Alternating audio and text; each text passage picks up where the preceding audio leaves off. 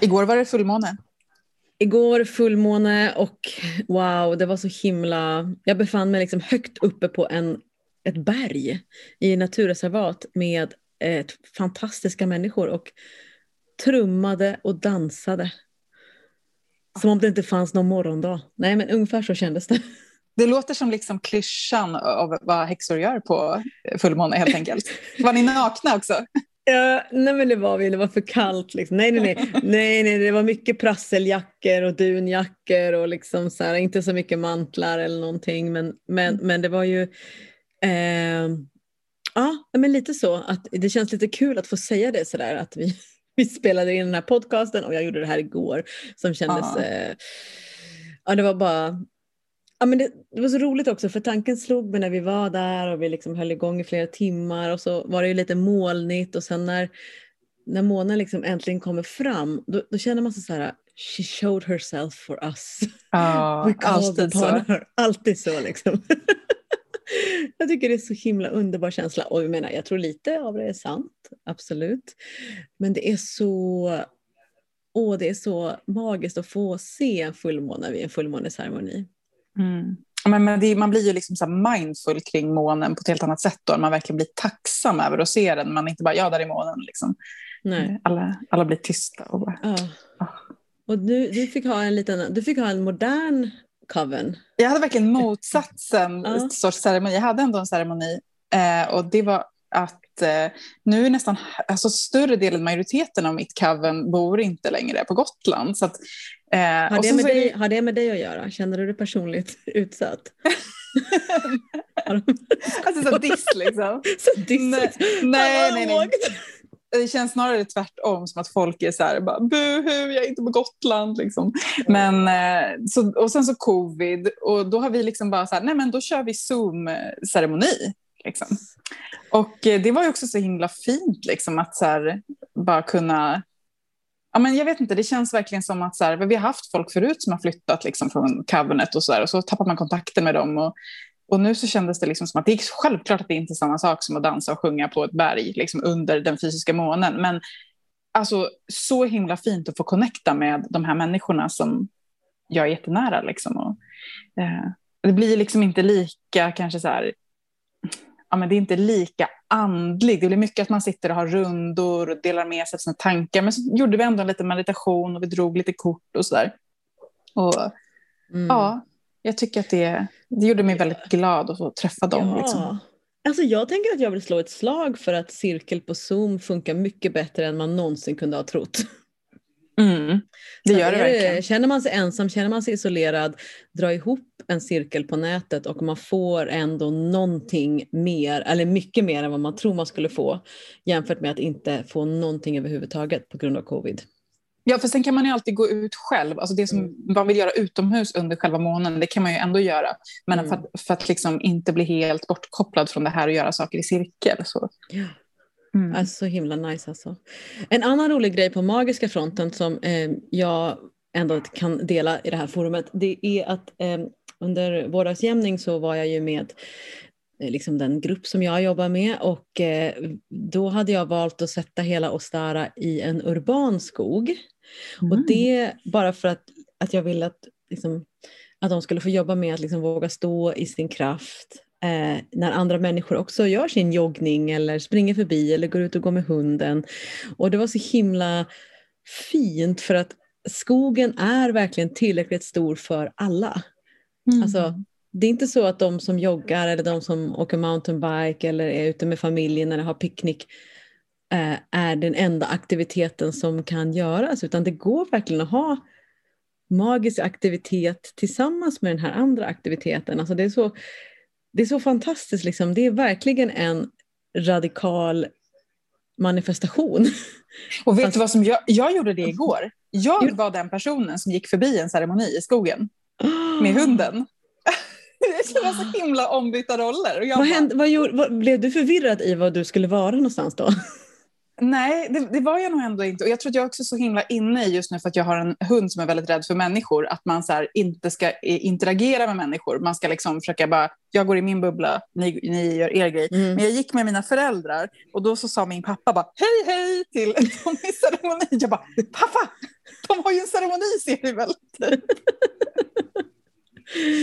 Men jag gillar ändå folk som säger hej hej. Jag tycker att det är lite så här. Ja, alltså man blir nice. jag, man, jag blir mer sådär, sådär som man blir om sina föräldrar, att de är ja. pinsamma. Ja, men alltså det är också så här, vi hade också en ganska roligt möte. Det var, så här, det var liksom en, ett, en kvinna som kom joggandes förbi och hon var så irriterad över att vi liksom stod i hennes joggningsspår.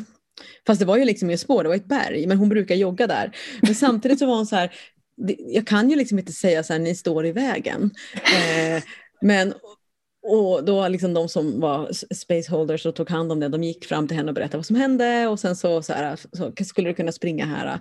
Och sen så när hon sprang förbi så hörde man hur hon sa till sin partner så här, så bara, måste de vara exakt just här? och då är det här världens största liksom, naturreservat typ. Det är så roligt med människor. Ja, människor alltså. Om människor. ja, du, jag har en hemlig fråga till dig.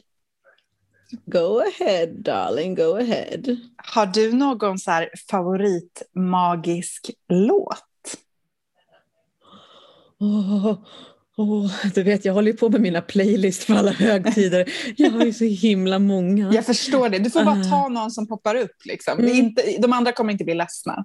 Ingen kommer bli ledsen. Nej. Eh, och jag tror att min bästa magiska låt är nog eh, Ulvens döttrar och Rid över skog.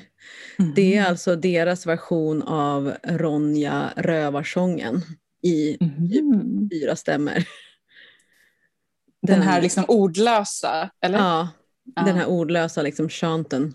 Vi ska inte prova den nu liksom. Nej, vi, man, vill, man vill alltid men man ska alltid avstå. den som Tommy Körberg sjunger. Ja, eh, men, men, här är det liksom med eh, väldigt många stämmor. Liksom. Ja. Eh, den finns på Spottan eh, och vi kan ju länka till den i, efter avsnittet.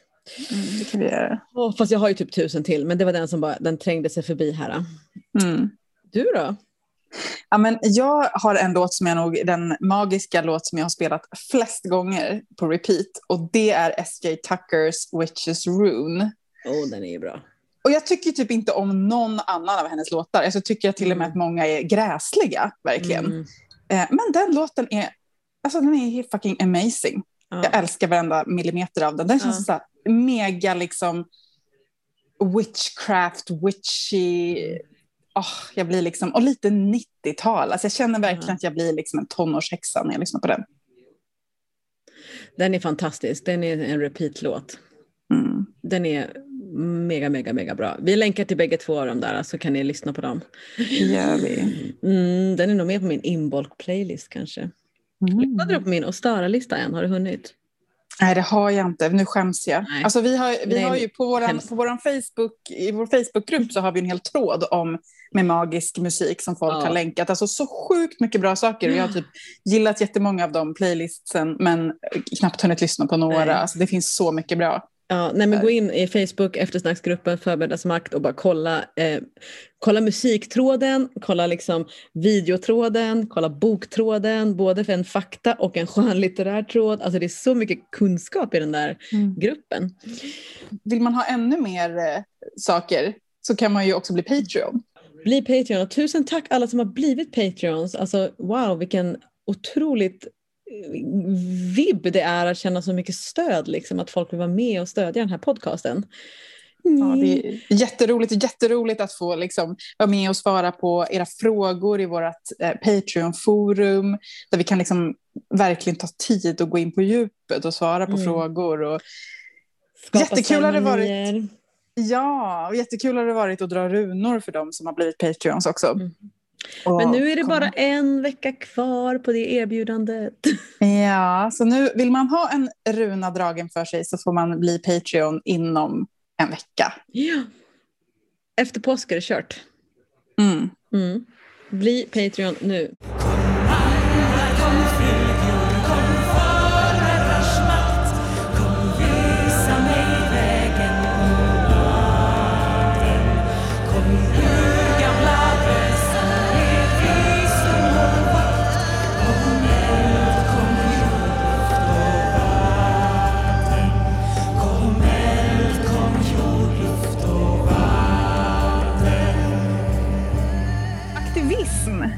Vill vi prata om.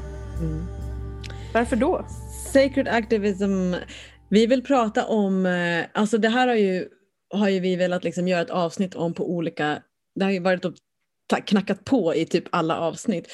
Och jag tänker att du och jag vill göra det här uh, på grund av att det är så stark drivkraft i vår identitet. Mm. Och jag tycker också att det känns jätteviktigt på grund av att så mycket andlighet är, eh, alltså om vi tänker den här nyandligheten, är så otroligt bortkopplad från den här fysiska världen och samhället och jorden och blir så här mm. otroligt bara liksom individorienterad och eh, ja, men det, konsumistisk kanske. Liksom och, ja. Mm. Nu blev, blev, blev jag lite tråkig och kritisk här, kände jag. Men, Nej, men alltså, äh, det här är din jag känner podcast. att det behövs en This is your podcast. You talk. you talk. Speak out. Sing the song. Nej, men jag tycker verkligen att det är, det är liksom vårt, vårt ansvar. Liksom, att så här, jag, vill, alltså det, jag vill verkligen inte vara del av ett spiritual community som är en del av, fortsätter vara en del av problemet för jorden och för alla människor som bor på jorden. Och, eh, alltså är inte jag en del av lösningen på något sätt, eller försöker vara det åtminstone, då känner jag liksom inte att då vill jag inte hålla på. Vad är det som är deras problem då? Vad är det du stör dig på? Spit it out. Det är ingen som uh, lyssnar. Det är bara du och jag. det är ingen som lyssnar, det är bara du och jag.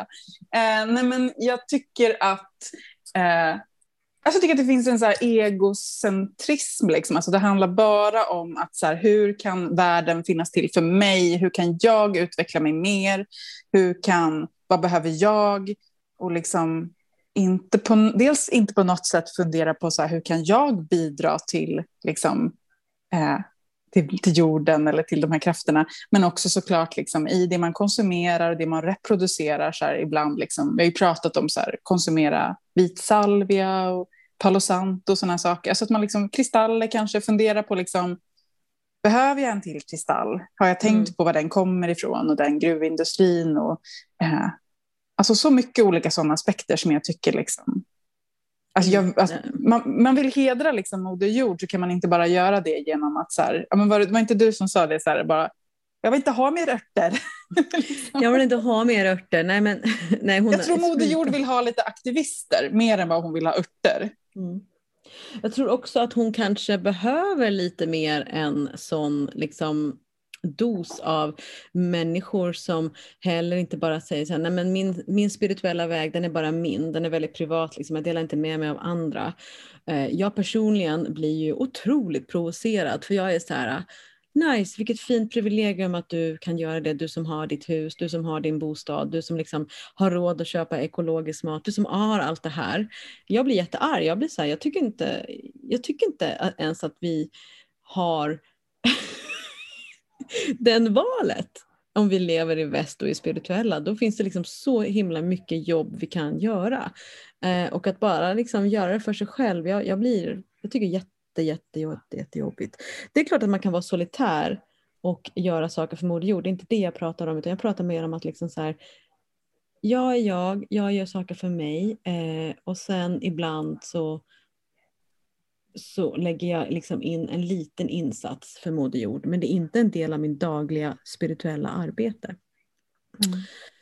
Det är klart att vi rantar nu, men det är därför vi har det här avsnittet, för vi måste bara få prata av oss. Ja, alltså det var jättelänge så ska jag säga att jag tycker att det här var anledningen att jag inte, hade, alltså jag inte hittade in i andligheten i mig själv. Nej. För att jag kände så himla mycket att den andlighet jag mötte som var så då liksom kanske mer kategoriserad som new age, kände jag liksom att jag inte kunde relatera till för att jag tyckte att den var helt bortkopplad från mm men så här, man pratar mycket om så här, Moder Jord och gudinnan men man engagerar sig inte alls i jordens rättigheter eller typ eh, rättigheter för kroppen eller för kvinnor eller för queer-personer. Alltså det, är så här, det blir så otroligt bara symboliskt hela tiden och ingenting i den verkliga världen. Och det tyckte jag var hycklande. Liksom. Mm. Um, men, men jag, eh, sen... jag, håller med, jag tycker också det är jättehycklande. Jag har liksom en, en av mina första liksom så här upplevelser av det här, då var jag typ så 16 år och jag var på någon sån här, du vet, jag vet inte vad de heter, men någon sån body, mind, spirit mässa, alternativ mässa liksom. Du vet så här när de, det finns på Älvsjömässan hade de. Mm. Och så här, men det här var någon annanstans, typ Medborgarhuset liksom. Så är det liksom så här, ja, men utställare och det är stenar och det är, det är, kristaller och det är rökelser och det är självhjälpsböcker och um, ceremonier och allt möjligt liksom så här. Eh, och massa talare som tar liksom hur mycket plats som helst, stora scener, fancy podium. Och så, så här, var där och jag bara kände så här, hmm, det är så himla, allt var så dyrt också. Och det kanske det inte var, men jag var 16 och tänkte att gud vad dyrt det är. Liksom. Köpte en lapis lazuli-ring och bara alla mina pengar. Eh, och sen så gick jag ut och så satte jag mig typ i, i trapphuset. Och där pågick det liksom en ceremoni som eh, en inbjuden eh, aktivist från eh, eh, liksom Tribes of Lakotas, jag minns inte exakt vilken del, eh, hade eh, för vatten, för, för att liksom behålla vattnet på jorden, rena vattnet som finns till dricksvatten och, liksom, och ja, eh, kanske i väst kallad regndans. Liksom. Det var så han förklarade det för mig eh, efteråt. Och jag bara satt och bara tittade. Liksom. Det var liksom han och två till som trummade, sjöng och dansade. Och jag bara var så här, vad är, vad, det här var för mig allt liksom. Jag förstod inte då att det var aktivism de gjorde. Men det har jag mm. förstått i efterhand, liksom, den här välsignelsen av vattnet, kampen för vattnet, för vattnets rening, för vattnets bevarande. För alla andra i huset, det var ju bara så här fancy liksom. Och så, mm. så fick de inte ens ha en plats på stora scenen utan stå liksom i trapphuset. Det är väldigt, väldigt talande. Ja, det var väldigt talande. Då var jag bara så här, nej jag ska inte bli andlig. Det, jag ska bli något annat liksom.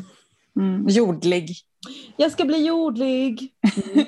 alltså för mig var det ju eh, när jag läste The Spiral Dance av Starhawk. Ja. Eh, jag var inte 16, jag var nog 25. Mm. Eh, det var liksom där som nyckeln till min, liksom, att jag verkligen gick rakt in i andligheten på ett liksom, djupare plan än att bara typ, dra lite tarotkort då och då. Eh, när jag insåg att så här, här är en person som förenar liksom, att vara häxa och den andligheten med konkret aktivism. Alltså hon mm. har blivit typ häktad hur många gånger som helst för mm. olika så här, eh, liksom manifestationer, såklart jättefredliga. Liksom. Men eh, verkligen en sån person som bara typ, ja, men har i princip dedikerat hela sitt liv till ja. att verkligen inte bara prata utan göra saker. Liksom. Nej, alltså Starhawk skulle man ju verkligen säga är liksom en frontfigur genom reclaiming-rörelsen, genom liksom sin aktivism och också så här på riktigt eh, alltså på riktigt kunna också jobba med, med eh, att man kan jobba med den här slags jordaktivismen och de här ceremonierna fast man är av en europeisk ursprung. Liksom. Eh, hon mm. har jobbat väldigt mycket i staterna så då är det väldigt viktigt liksom, med eh, ursprung och att man inte konkurrerar med något annat eh, ursprung eh, för då blir det liksom hotfullt. Hon har liksom hittat in till det här mötet också, tycker mm. jag. Alltså urkraften. Alltså hon är, hennes, hennes böcker ska ni läsa. Vi kan lista allihopa. Alltså jag vet ju att folk, jag måste bara som en liten disclaimer där, jag hade ju hypat eh, eh, The Spiral Dance till Olof som var gäst eh, för några avsnitt sen här. Och så läste han den och var jättebesviken. Ja. och jag, jag, tror att det kanske är skillnad på när man läser den som sin så första ingång och bara så här, wow. Och sen kan den kännas liksom som att så här, den är också jättegammal, alltså hon skrev den på 70-talet. Ja, så precis. Det kanske känns som att så här, vi har kommit längre liksom och ja, man får läsa den för vad det är. Kanske som att man har kommit längre men också vart man är i livet, eh, ålder. Ja. Alltså det är lite olika men alltså som, en, som en introduktion till vad eh, magical activism kan vara och hur man kan arbeta med den så är den ju mm. en av de absolut Verkligen. För hon har gjort en annan bok som jag bara inte kommer ihåg just nu eh, men den ska jag skriva upp. Ja. Någonting med Living the Land eller någonting sånt där. Okay. För hon driver ju också så permakulturkurser och så. Alltså det, det, är liksom, det är inte bara stå på barrikaderna utan hon Nej. jobbar med aktivism också på ett väldigt så långsiktigt och mm. långsamt sätt mm. genom permakultur. Mm. Spännande. Men ska vi bara, här, om jag ställer så här frågan till dig Elin, vad är aktivism? Mm. Vad skulle du säga då? då?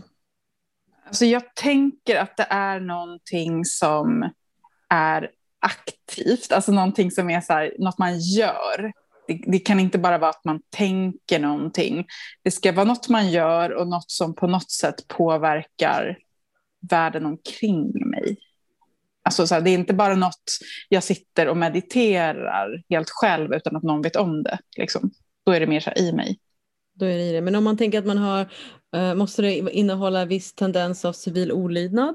Eller Nej, det tänker det? jag absolut inte. Jag tänker mm. typ att det kan vara så här, alltså jag tänker att aktivism också kan vara, det kan vara online för det första mm. faktiskt. Uh, det kan vara i form av text, mm. alltså att mm. man skriver aktivistisk text, uh, liksom debattartiklar, insändare, liksom så här, manifest, eller det kan vara i form av konst, manifestationer, ja, men liksom, så här, offentliga ceremonier blir en form av så här, nästan performance. Liksom.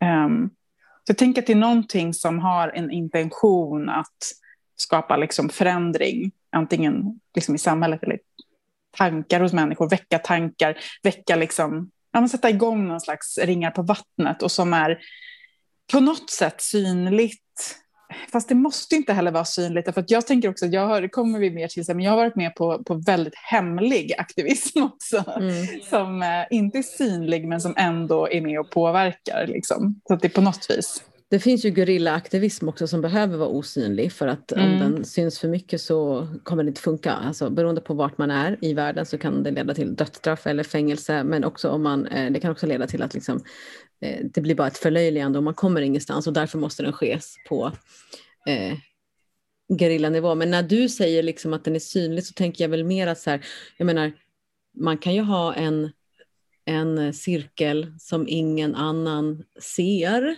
förutom de som är där, men bönen i den gruppen handlar om att skydda den här platsen eller välsigna den här platsen. Det är också en liten form av aktivism som är större än bara en själv. Men då tycker, jag för, då tycker jag i och för sig att man kanske behöver omsätta det i någon slags praktik också. Mm. Alltså jag kan tycka att, att inte bara stanna vid en bön, utan kanske så här, kan vi göra någonting? Kan vi skicka en insändare? Kan vi göra mm. en insamling? Kan vi göra någonting, tycker jag, för att Alltså att jobba liksom inte bara i den eteriska världen, att jobba i den fysiska manifesta världen också. Typ som falungong tänker du då? Det vet jag inte någonting om. Falungong gör ju absolut ingenting förutom att stå på olika platser och utöva en viss rörelse och de blir fängslade liksom. Ja, men de är, väl, de är ju synliga i det, liksom, då tar ju de plats i det offentliga rummet. Det är i allra högsta grad en, en fysisk handling, Precis. tänker jag. Ja. Men jag menar, jag tänker liksom om, beroende på vart man är för, för plats. Så att jag menar, jag tänker att kanske någon som lyssnar nu och tänker så här, jag tycker inte om att ta så himla mycket plats. Jag vill inte stå och nej. skrika, jag vill inte skriva, utan så här, nej, men vet du vad, du skulle kunna vara med i en aktivism och en, i en aktivistisk ceremoni som faktiskt bara handlar om att du står stilla eh, på en plats och eh, eh, ber för det här trädet som ska rivas. Eh, eller liksom eh, eller är det mer bakom kulisserna? Alltså det behövs ju också alltid människor som stöttar genom till exempel att så här, ja, men, fixa en lokal där man kan planera sin grej. Eller man, man kanske är liksom jättebra på typ webbdesign. Så är man med och stöttar. Alltså det, man behöver inte vara den som står synlig. Man kan också stötta dem som mm. gör synlig aktivism om man är liksom lagd åt det hållet. Alltså aktivism är ju, alltså det finns ju du vet, man skulle kunna prata med hur många människor som helst och det finns ju, alla har sin egen syn på aktivism. Och den aktivism som du och jag pratar om skulle väl ändå kunna kategorisera i detta avsnitt till då earth activism eller sacred activism. Eh, att det finns liksom en länk till ceremoni, gudinnan, andlighet, eller hur? Det är ju den, mm. det mm.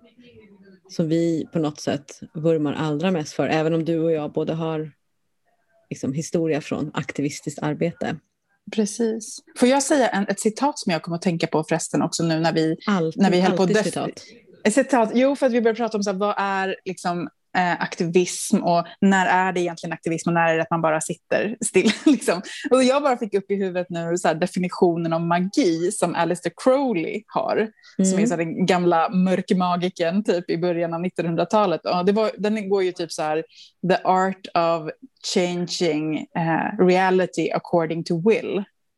Just uh, the art of creating change of reality according to will. Det tänker jag jättemycket på, att det, att det är liksom, magi är verkligen att skapa förändring och för mig är aktivism, alltså magi behöver inte bara vara, alltså magi är även saker vi gör liksom fysiskt. Alltså vi, vi, vi sätter igång en boll som rullar mm. och vi, vi, vi pushar på den bollen med magi, med ceremoni, men också med insändare och med manifestationer. Liksom. Mm. Creating change according to will. Liksom. Mm. Och att bara sitta och bara tänka på den grejen kommer inte vara lika effektiv som att också gå ut och göra saker. Liksom. Nej, det är ju liksom det här, äh, i Sverige är det ju väldigt liksom, också finns ju en tendens till att så här, äh, skriva en insändare och sen knuta näven i fickan. Mm. eh, det är inte heller den insändargrejen vi pratar om, eller hur? Alltså så här, det är ju så här, det är, på något sätt så är det som att man måste fullfölja hela förloppet. Alltså, det har ju, hör ju liksom ihop med här att kunna liksom stå i sin kraft och våga stå i sin kraft och vara en del av eh, att man tror att den här eh, gemensamma bönen, gemensamma eh, aktionen, gemensamma välsignelsen, gemensamma eh, sången, dansen, eh, insändaren verkligen kan skapa den här eh, förändringen. För att det är lite grann det jag tycker är lite coolt för det pratar vi om i ett avsnitt att när du väl är i ceremoni, när du väl väljer att tro på magi, då gör man ju inte all in. Det var, det var du som sa det, att man läser ju inte en bok och bara åh den här boken tror inte jag på mitt i boken. Så att när man gör en sån här mer sacred activism så är det som att man ändå går hela tiden man, man får bara inte ut sin åsikt utan man verkligen tror på den där förändringen. Mm.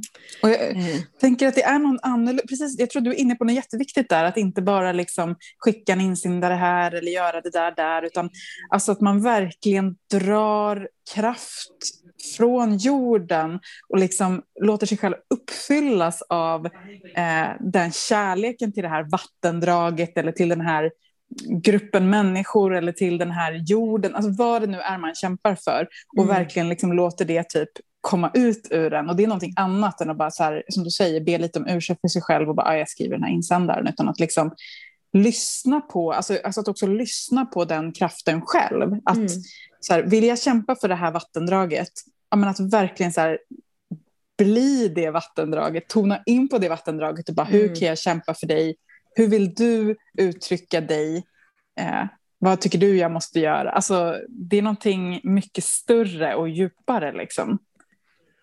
Alltså det är så himla coolt. Alltså för att, du vet, i Nya Zeeland så fick ju eh, Van, eh, Wangano-floden eh, eh, liksom det är den första floden i världen som har juridisk status som en person. Mm. Och det fick liksom eh, maori, maurina, eh, maurina fick igenom den. De har kämpat så himla många år för den här platsen och lyckas liksom med eh, sin egen aktivism med liksom kunskap från advokater, eh, folkrättsaktivister, få igenom att den här floden får liksom en juridisk status och därför så betyder det liksom då också att deras synsätt på naturen respekteras eftersom det, alltså, de, de som folk respekteras inte men, men floden kan, mm. kan man då respektera. Är inte det ascoolt? Liksom? Det är jättestort. Och jag vet att Bolivia har ju antagit eh, alltså, Moder Jords rättigheter, en deklaration om att Moder Jord i sig har det. rättigheter. Det finns mänskliga rättigheter, mm. det finns Moder Jords rättigheter och jag har faktiskt också varit med och drivit den frågan i Sverige, i svensk politik, att liksom mm. anta eh, alltså att alltså jorden ska ha juridiska rättigheter och det är vi ju extremt långt ifrån i Sverige. Mm. liksom. Det är ju, anses ju superflummig politisk fråga. Liksom. Men så länge man inte har det så kan man i alla fall som i sin aktivism liksom, inte bara prata om skogen eller prata om eh, vattnet utan också med skogen och vattnet. Mm.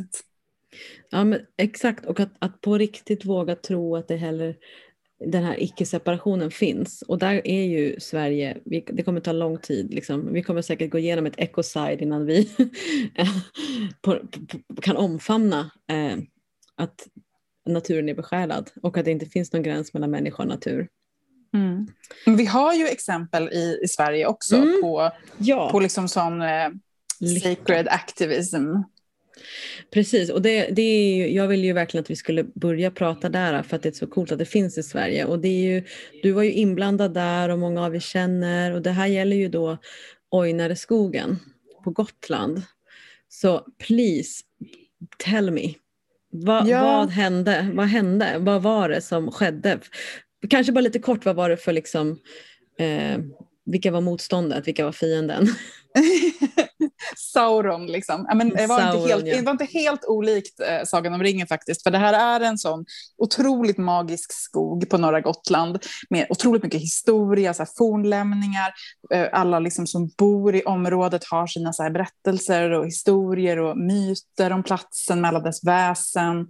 Eh, väldigt så här, nära relation till den och det finns en, en sjö mitt i skogen som är så här otroligt klart drickbart vatten som är så här, det är vattenbrist på Gotland. Vi pratade om det här med vattnet, mm. eller du, du pratade om det. Det är ju vattenbrist i större delen av världen och det här är liksom en stor, stor drickbar sjö. Liksom. Så den här otroligt magiska skogen eh, som då ett eh, inte ens ett svenskt gruvföretag vill göra en jättestort kalkbrott i. Eh, mm mycket större än hela Visby innerstad, liksom bara totalt ödelägga den här skogen.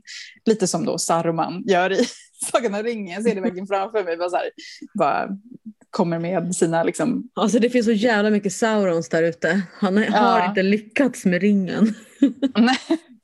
Ja. ja men, nej, men så, så det här det är en jättelång historia. Det, det tänker jag också är en viktig aspekt av det här med aktivism. Alltså, och det här med att verkligen stå i sin kraft och att inte bara dutta lite. Att det här tog ju, alltså jag vet inte hur många år, eh, över tio år. Alltså det var mm. verkligen jätte, jättelång process, jättetröttsam process och jag har inte varit med i hela. Jag kom in eh, ja, jag kom in ändå ganska tidigt, men det var ju de som hade hållit på i flera år innan mig liksom, och kämpade mot det här gruvföretaget och även liksom, skogsskövlingen först. För först skulle skogen skövlas och sen skulle jorden bara totalt ätas upp. Liksom. Um, men eh, 2020 så blev det liksom till slut klart. Alltså jag, ja, 2012 så var det den här stora, Sveriges största polisinsats någonsin var i Ojnare skogen. Det, var ridande poliser, det var bandvagnar, det var liksom mm, mass, typ, gripanden liksom, och jättemycket aktivism.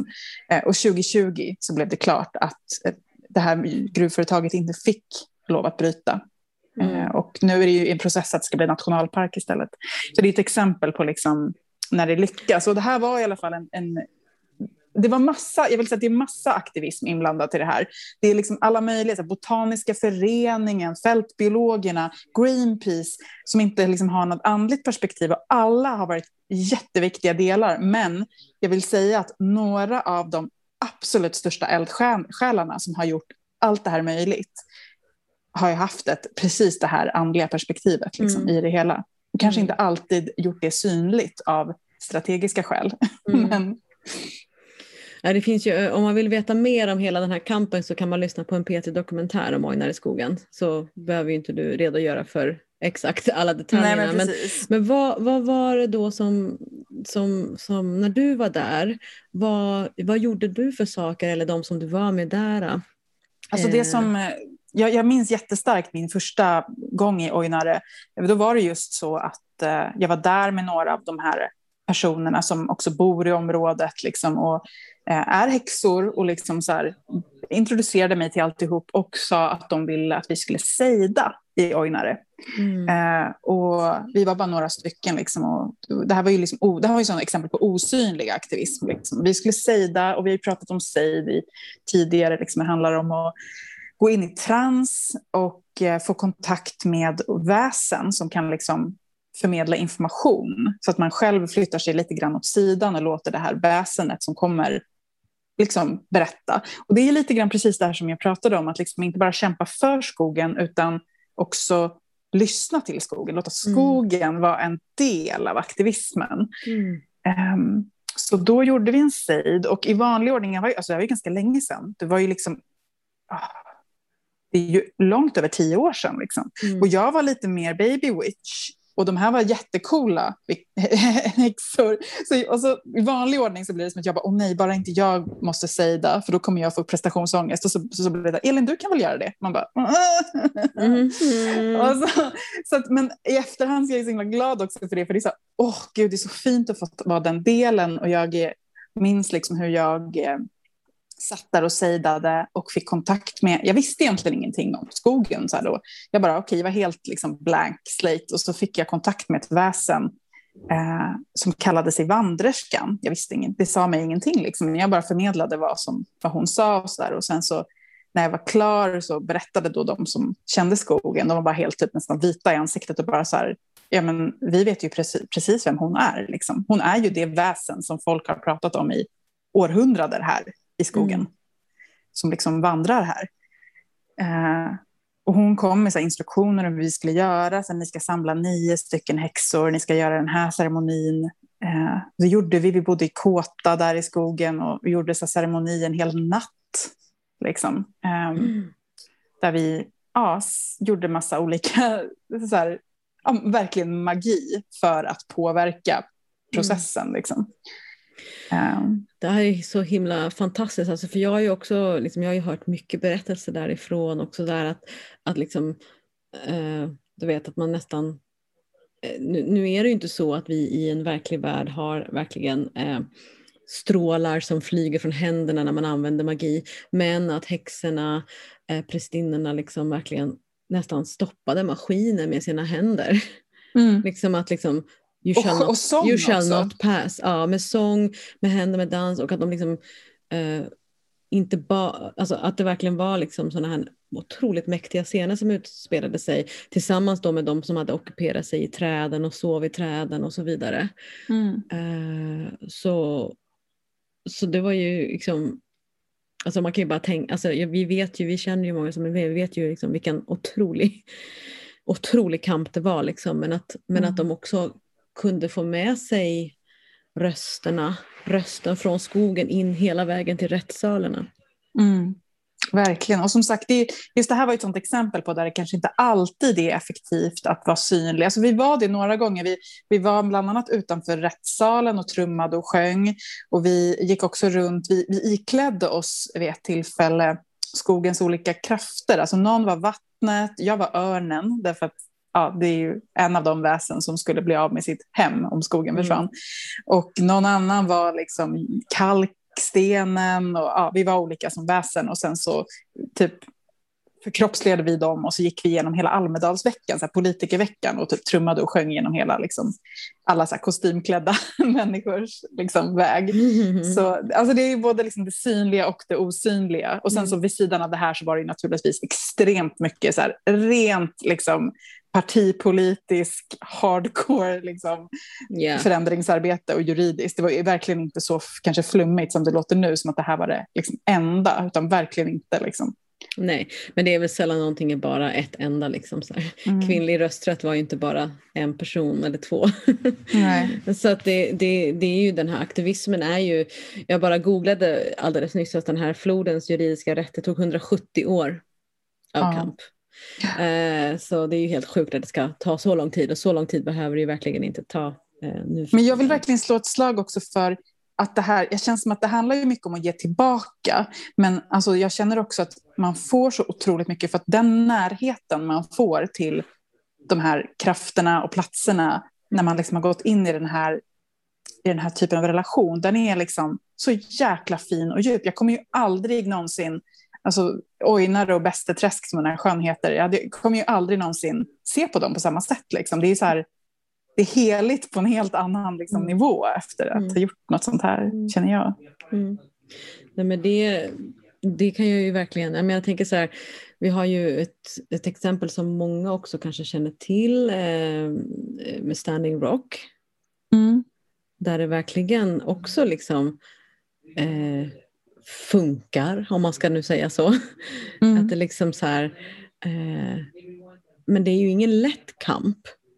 Nej, och det tar ju också, tog ju också jättelång tid. Det var ju 2016 det började och det mm. var också 2020 som det liksom eh, ja, blev. Det är ju inte heller helt över, men att det liksom har bromsats i alla fall. Den bygg, mm. alltså det handlade ju om att de skulle bygga en oljepipeline över yeah. eh, massa Sioux, native american områden liksom, som mm. var både så heliga och hade en så viktig kulturell mm. betydelse. Mm.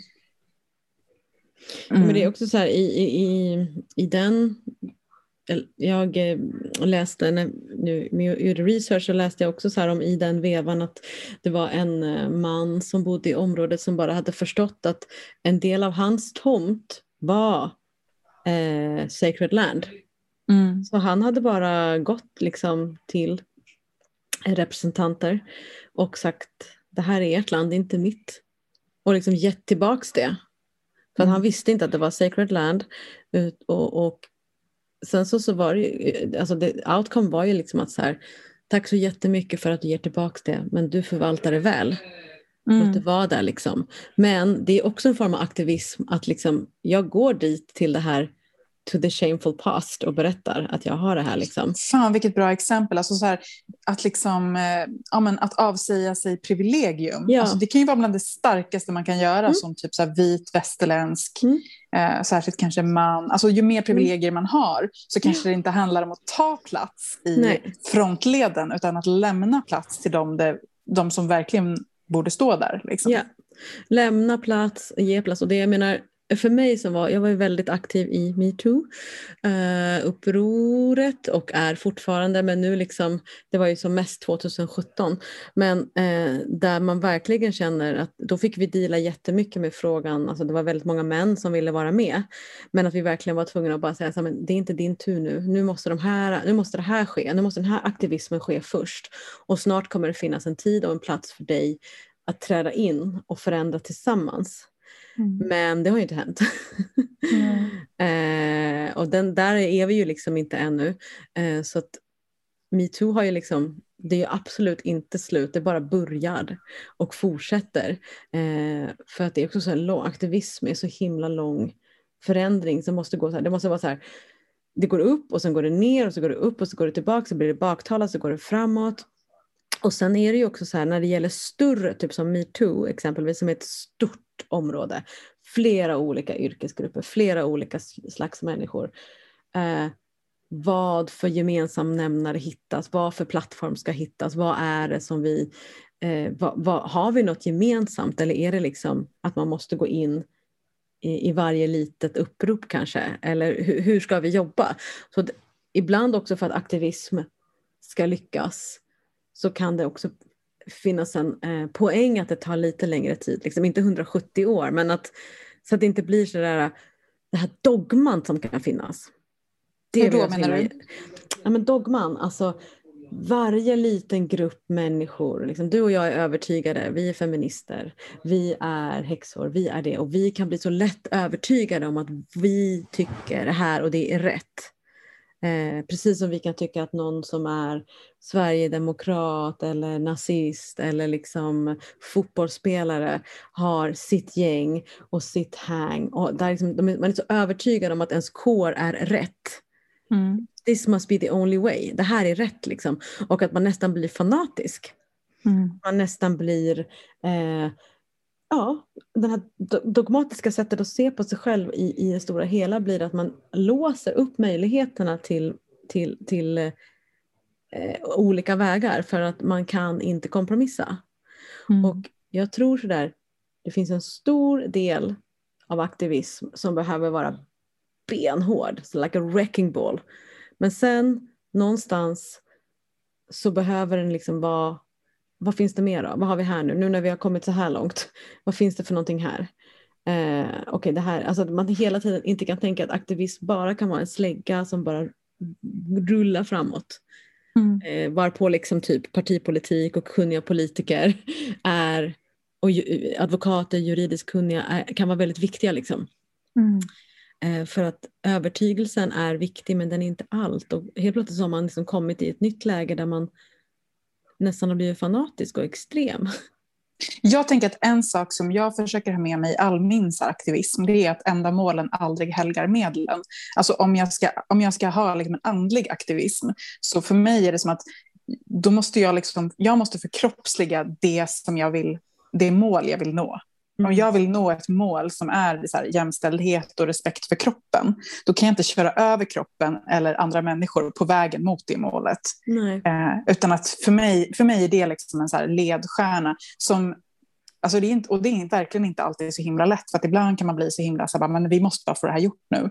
Och herregud, hur många gånger har inte jag kört över min egen mm. kropp till exempel för att mm. bara få något gjort.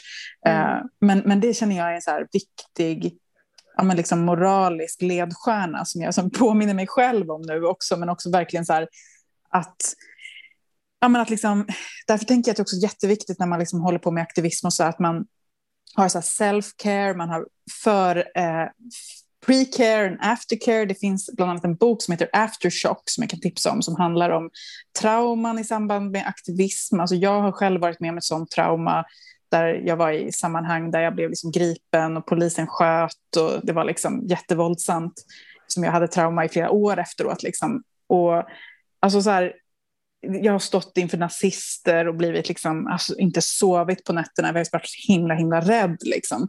Och det behöver, nu behöver man ju verkligen inte göra sån aktivism, men ibland behöver man det. För att till exempel när hundra stycken nazister kom till Gotland, det lilla Gotland, och jag bodde liksom så här, ja, men, fem minuter från där de stod. Då är det så här, mm. jag har inte längre något val. Det är inte så här, bara, nej men jag har inte tid att hålla på med aktivism Alltså det är så här, de, jag kan inte gå till min mataffär utan behöver gå igenom hundra nazister. Då, mm. då, är jag faktiskt tvungen att göra någonting. Liksom. Mm. Eh, och att ibland, och menar, har man till exempel också kanske så här, ja, men har man en viss hudfärg eller man har en viss sexualitet eller på olika sätt andra normbrytande liksom, aspekter, då är det också så att man kan inte välja bort aktivism utan ens vardag blir aktivism. Mm. Jag menar, och också som kvinna liksom, så blir ju jättemycket av vårt liv blir ju aktivism mm. för att vi har inget jävla val mm. om vi ska leva våra liv. Och därför så tänker jag att vi måste ta hand om oss själva också och praktisera mot oss själva det som vi vill åstadkomma. Fy fan vilken rant. Here, here. Nej men verkligen here, here. Alltså det där är ju, um, och det där glöms ju oftast bort liksom eftersom ändamålet ofta blir viktigare. Eh, och så orkar man inte och det är inte en hållbar aktivism på något sätt. Jag kommer ihåg, eh, det här var ju också väldigt länge sedan, men när det var Göteborgskravallerna så var jag där. Och, ja, men det var ju det jag syftade på nu också. Det var ju mm, jag också. Mm. Var vi där ju, samtidigt? Ja, vi var där samtidigt då och det blev ju helt galet. Liksom. Det, var ja. ju liksom, det blev ju liksom tokigt. Och då vet inte om du minns när de flyttade hela liksom, flyttade bort, uh, Reclaim the Street fick ju inte vara med längre utan det blev Reclaim uh. the Park. Och uh. så flyttades hela den till en park och det enda som gjordes var att vi stod och sjöng och trummade och liksom så här höll den här parken levande med sång och dans och det stod poliser framför framför oss liksom, i cirkel. Eh, och de här poliserna var ju, de var helt slut, alltså de har jobbat sjukt länge. Liksom. Eh, mm. Och, och eh, så var det som att, det var som nästan så här, jag kände liksom att det var som att vi, jag i min aktivism då hamnade mellan liksom de här otroligt upprörda krafterna liksom som, som berättar alltså att deras vän har blivit skjuten och kanske fler är skadade till de här poliserna som på något sätt liksom by law, eh, alltså det, är deras, det ingår i deras arbetsbeskrivning att vara där liksom. Och eh, de får liksom inte ha sin egen åsikt. Så det var som att vi ville, många, många i det här mellanläget var liksom att vi försökte, alltså vi bara med alla medel som vi hade skapa liksom så här like a meeting istället för det hat som blev. Men alltså jag kände precis samma sak. Jag, jag var ju på Hvitfeldtska gymnasiet där som ja, polisen belägrade och sen stormade. Mm. Jag var en av de sista som blev gripen, gripna där. Jag gick nämligen med gipsat ben, lämpligt nog. Shit. Jag, var, mm. jag var så himla liksom så immobil verkligen, så jag kom liksom ingenstans. Och så blev vi gripen. Och det som hände där var ju liksom det, det som gjorde mig så himla ledsen och typ traumatiserad. Det var precis det som du beskriver. För att det var liksom människor på min sida, eller man ska säga. Alltså jag kände ju inte dem. Liksom. Det var aktivister och det var polisen som båda utövade patriarkalt våld. Mm. Och, jag, och lite, båda lite grann sket i att jag var liksom rörelsehindrad och inte kunde liksom skydda mig. Och att om jag kom mm. i skottlinjen mellan typ polisens våld och gatstenar så var det ingen som brydde sig, inte aktivisterna heller. Ja. Och där för mig kände mm. jag liksom att så här, så himla viktigt att inte reproducera patriarkatet mm. i aktivism. Nej, och jag menar det är lite, lite att jag har varit med på för lite många sådana där demos och aktivistiska rörelser där jag bara så här, faktiskt shit I'm out liksom. Jag är, jag, jag, det är som att folk, jag, jag upplevde liksom eh, att, att det nästan kändes som att en del av de här demonstrationerna och aktivistiska handlingarna handlar bara om att vissa personer skulle få ett utlopp för sin egen ilska. Mm. eh, och det var lite det som hände när jag sen började jobba med feminism, feminism, eh, feminism och aktivism på ett annat sätt genom att jag började liksom uh, med snippsaunan, med örterna, med uh, att jobba mycket mer med prästinnearbetet och att liksom hitta den här inre kraften. Because, och då är vi tillbaka till början där vi pratade om att så här, magisk aktivism är att du faktiskt uh, tror att du kan vara med om den här förändringen och ha den här kraften. Och det enda sättet att du ska kunna ha den här kraften är att du har en fungerande kropp, själ, psyke, hälsa. Annars så kommer det inte funka i längden.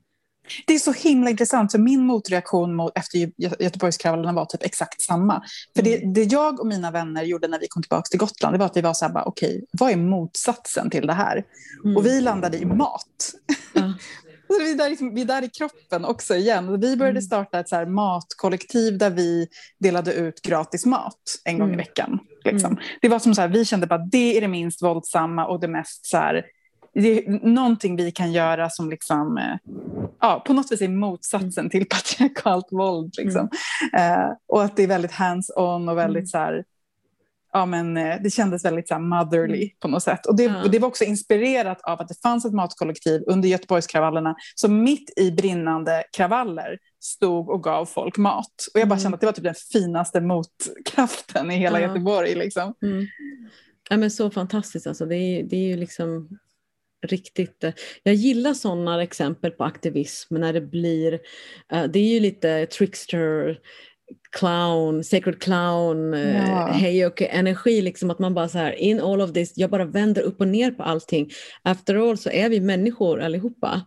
Mm. Eh, och jag, tycker, jag tycker, älskar sådana där idéer och jag tror att det där mycket mer ändrar. Liksom.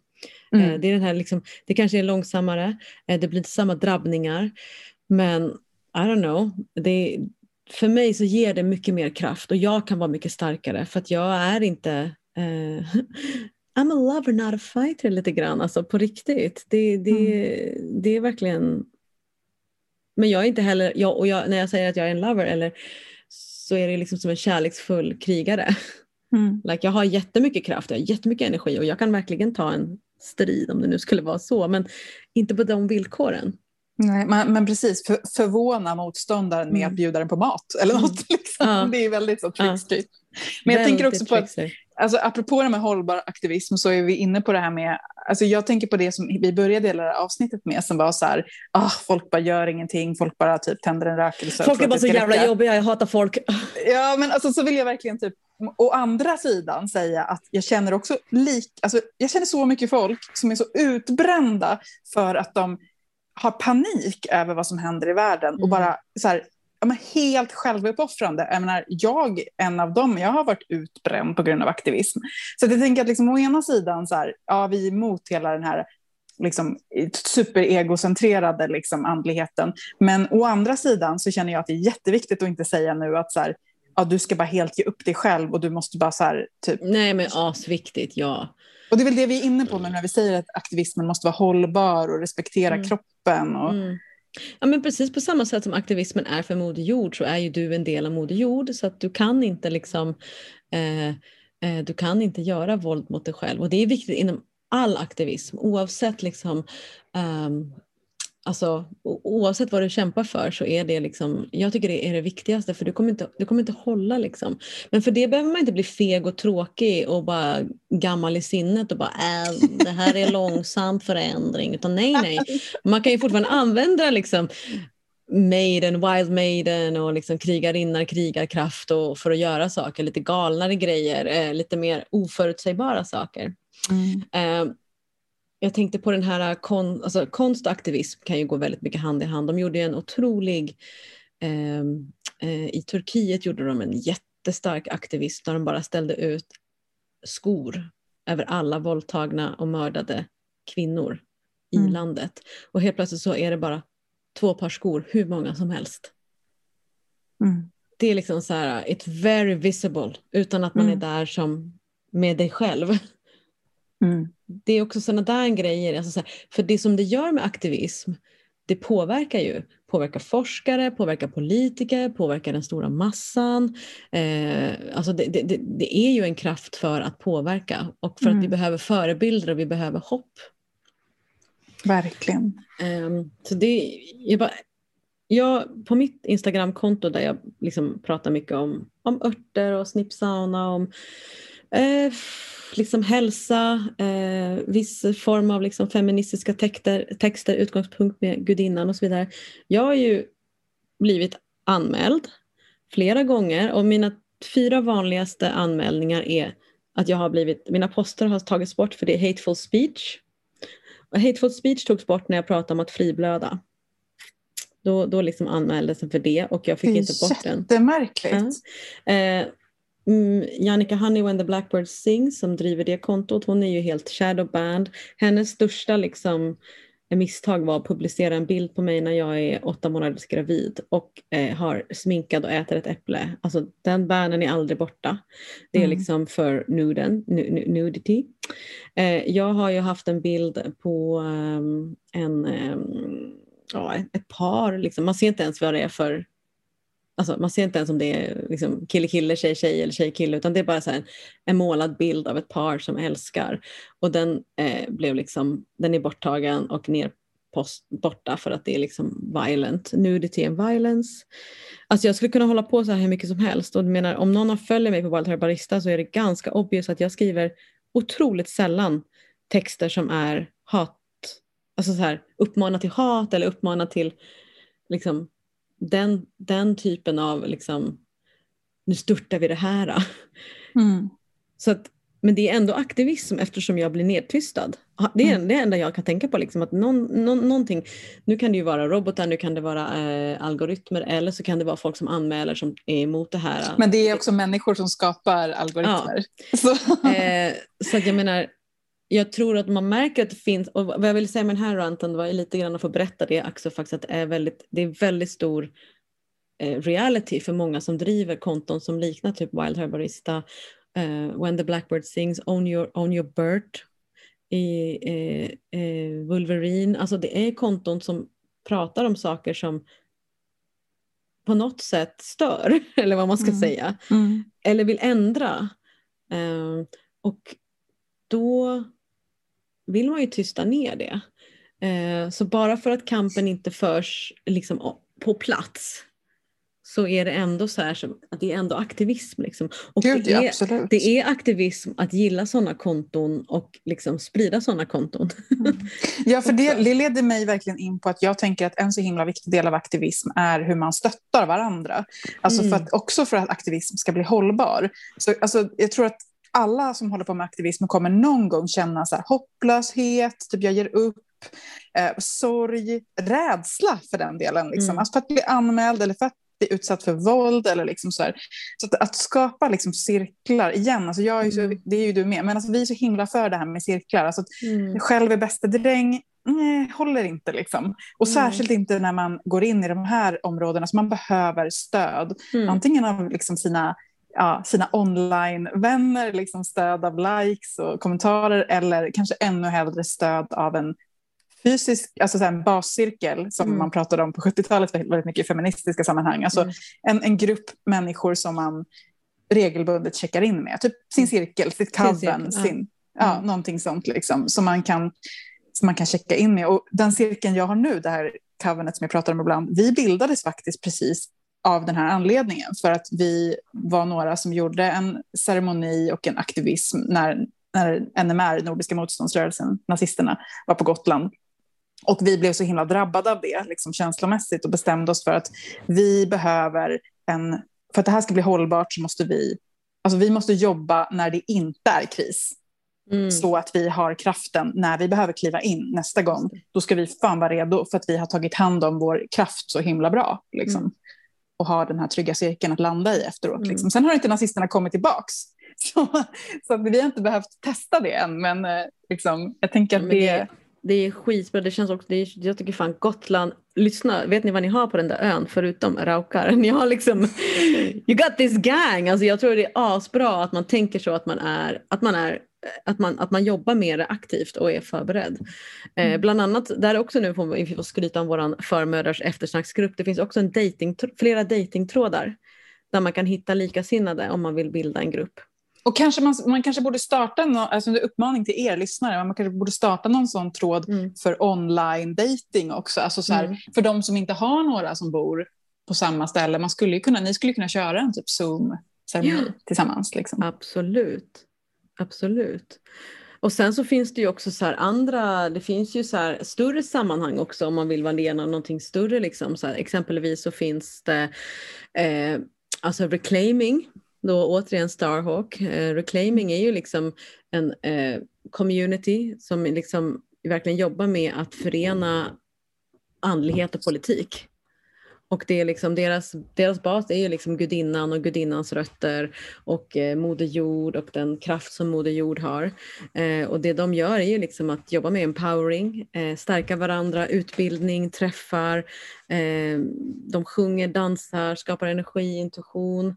Och där kan man ju också gå med som att vara med i ett större sammanhang och liksom ta del av vad de har för utbud. Eller kanske Radical Fairies som finns över hela världen. Också en jättefin grupp som är så här lite löst sammansatt. Eh, liksom, det är ju liksom, gruppen från början var ju tänkt liksom för eh, ja, förkämpar i den tidiga liksom, eh, rörelsen för homosexuellas rättigheter. Mm. Och sen så har den gått mycket mer till liksom att bli en queer-rörelse. Mm. Och det är liksom framförallt för att liksom motverka heteronormer. Och att inte efterleva och återskapa heteronormer och patriarkala normer utan verkligen bli radical fairies, mm. queer fairies. Och där är också så här, ja, jätte, jättefin. Um, jättefin rörelse och men man ska veta om att den verkligen kommer utifrån the gay liberation. Så att Mm. Så det, man ska ha respekt för det. Men de, de bjuder ju in alla att få vara med. Liksom. Mm. kan man också göra.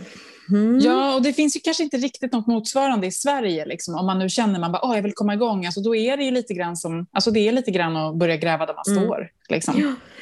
Radical Fairies har en skandinavisk, eh, jag är med är det där. Så? Ja, de, ja, har, en sant? Ja, de har en skandinavisk eh, falang och det kanske blir möte i Norge i år. Mm. Det berättar Men vi, vi länkar allt det här på vår ja. hemsida, formodrarsmakt.com. Ja, det gör vi. Ja, nej, men så om du känner nu så här, oh my god, nu jävlar, känner liksom den här kraften och ilskan, heliga vreden eller liksom kan inte ta orättvisorna mer att nej men nu jävlar vill jag göra någonting så här. Vad ska jag rikta, vad, vad är det för någonting, vad ska jag börja med? Vad ska man, hur ska man tänka då, Eldin? Om man bara, aha, jag har den här kraften, men vad fan, vart är jag någonstans?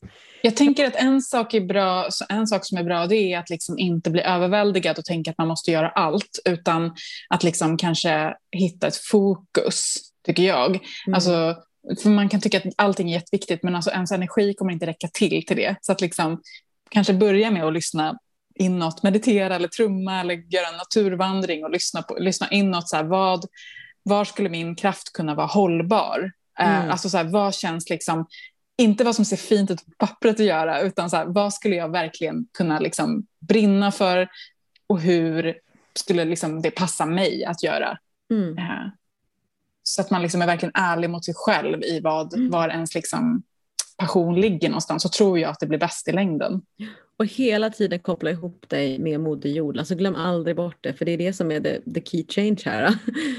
Det är liksom att lyssna på Moder Jord, hör vad hon har att säga, eh, lyssna på platsen, alltså vad, vad det än är för fråga som du jobbar med så att du hela tiden får med dig Moder Jord, för då är du ju aldrig ensam. Mm. Mm. Ja, nej men jag, jag, alltså att få möjlighet att blanda liksom alltså spiritual workshops, andligt arbete, med politiskt arbete och aktivism, det är för mig liksom som att hitta hem. Mm. Sen är inte jag liksom, jag är inte full on hela tiden, jag måste ju också vila upp mig. Men det är för mig är det verkligen så här, jag tror också för jag är en person som blir upprörd, som blir förbannad när det är så orättvist. Och istället för att bli bara arg och bara åh, överväldigad och stressad så kan jag att jag kan kanalisera genom att eh, jobba med mer sacred activism för jag tar inte slut lika fort, jag brinner inte upp i bägge ändarna. Mm. Och man kan ju tänka också att ens aktivism gärna får vara cyklisk också, tycker jag. Ja, absolut. Jag tycker också så här, bara för att nämna kanske innan vi börjar wrap it up, att en slags aktivism kan ju också vara att eh, eh, typ på riktigt gå in i cykliskt liv och bara inte stressa kring jul. Och bara mm. nej, jag är liksom inne i min vila här nu. Jag, mm. Det här är mina förutsättningar just nu. Så det kan ju också vara liksom aktivism. Men det är också en slags aktivism att det är min första mensdag eller dagarna innan mens och jag mår skit. Jag tänker vara hemma. No mm. further questions on that. Det är också mm. en form av aktivism att börja bejaka och se till ett cykliskt liv.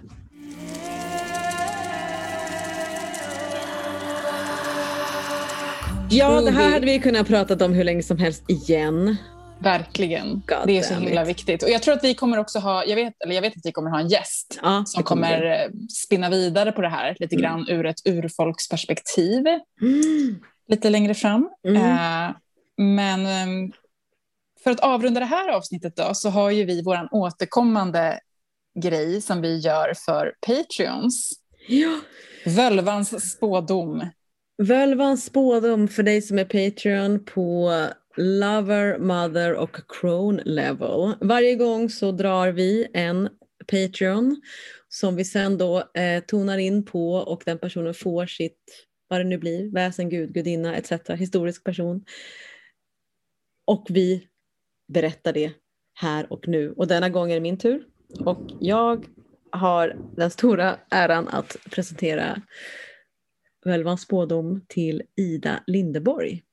Oh. Ida, shout out till dig. Tack för att du är Patreon. Tack så jättemycket Ida. Och när jag eh, tog min trumma och eh,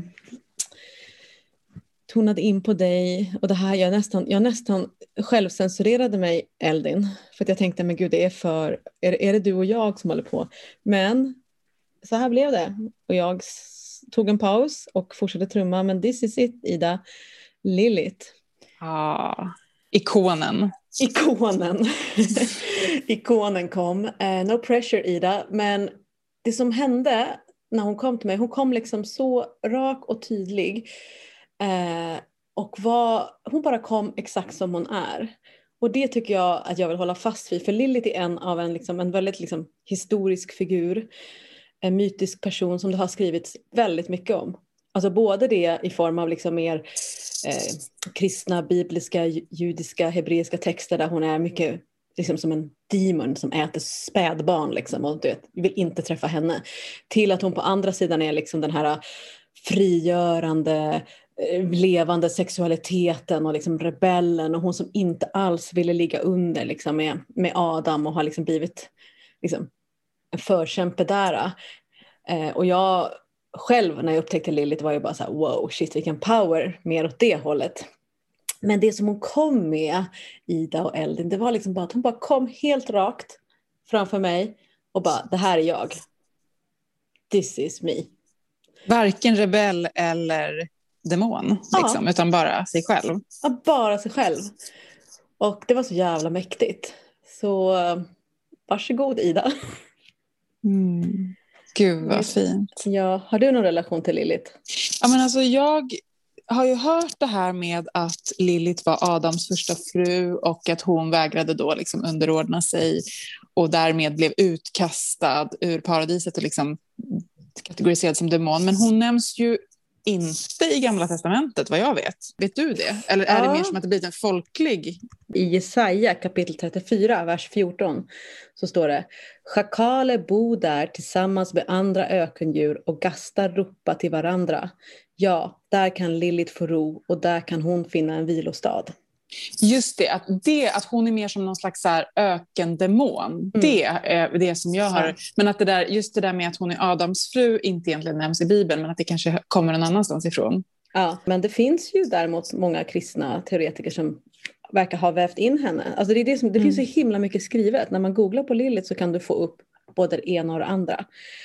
Och, och sen har hon ju verkligen blivit en så feministisk ikon också. Mm. Alltså jag, jag sitter just nu och tittar lite grann bara, så här, googlar så här, Lilith plus feminism och då finns det som ja. hur mycket som helst. Alltså hon har ju verkligen blivit som en symbol för det. Men när hon kom till dig nu så var hon alltså lite mer bara så här, like, kan inte jag bara få vara? Bara, alltså, det, det, ni behöver inte tolka mig, jag bara är.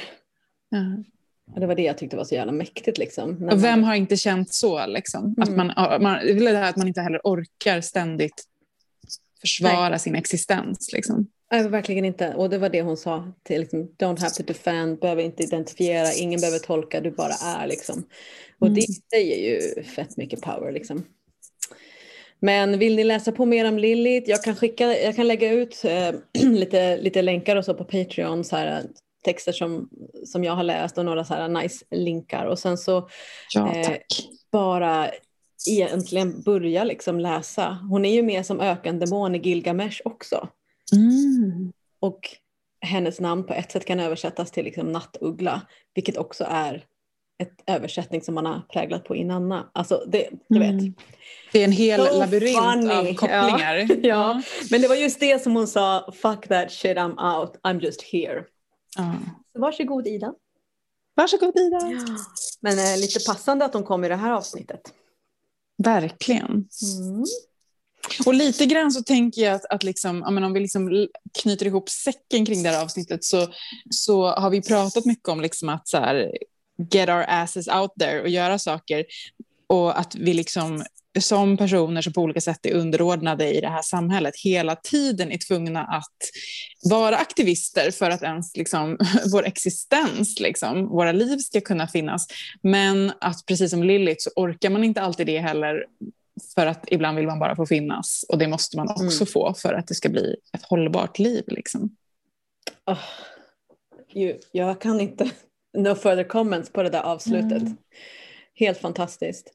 Eh, jag tänker så här, jag är helt dum i huvudet och slut efter den här eh, stormmånen, fullmånen. Det är liksom ingenting som har funkat för mig den här veckan.